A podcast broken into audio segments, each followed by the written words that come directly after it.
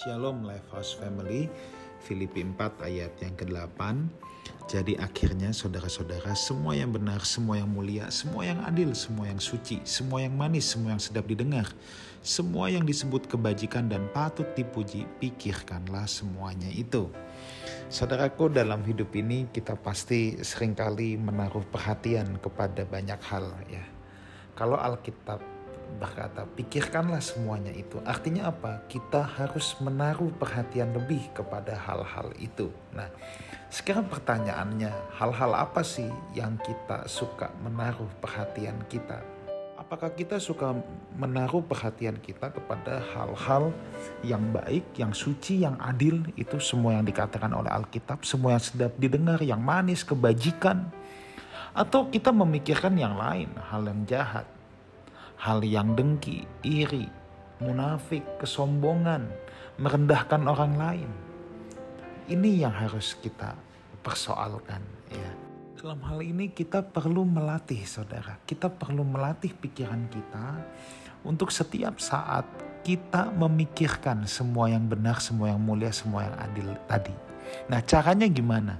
Sebenarnya apa yang kita pikirkan itu tergantung dari apa yang menjadi input kita saudara.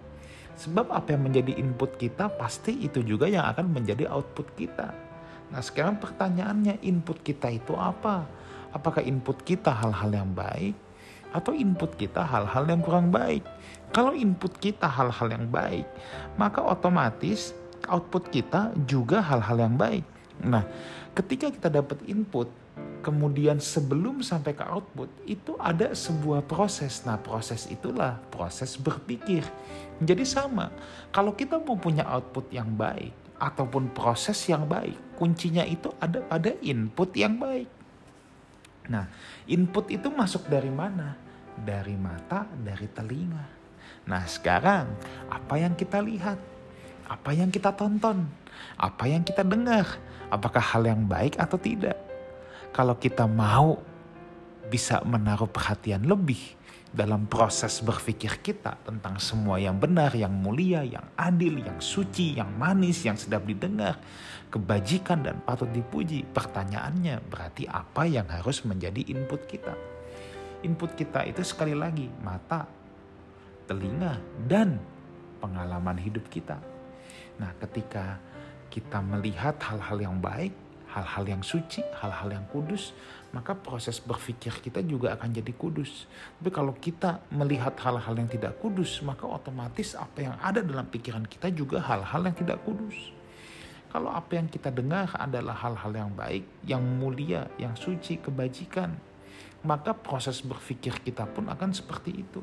Tapi kalau apa yang kita dengar gosip, fitnah, akhirnya yang kita pikirkan adalah jangan-jangan dia mau celakain gue, jangan-jangan, jangan-jangan, jangan-jangan. Nah, jadi pikirannya negatif terus. Nah, pengalaman hidup itu juga memberikan input buat kita. Ketika kita mau berpartisipasi, kita mau menolong orang lain, kita mau menjadi berkat, itu tuh semua bisa menjadi input untuk jiwa kita, saudara. Ya Nah, itu sebabnya yuk kita perhatikan input kita supaya kita bisa memiliki proses berpikir yang baik. Kita bisa menaruh perhatian kita pada hal-hal yang baik yang dikehendaki Tuhan sehingga output kita pun akan menjadi berkenan di hadapan Tuhan. Kiranya Tuhan Yesus menyertai kita semua. Amin.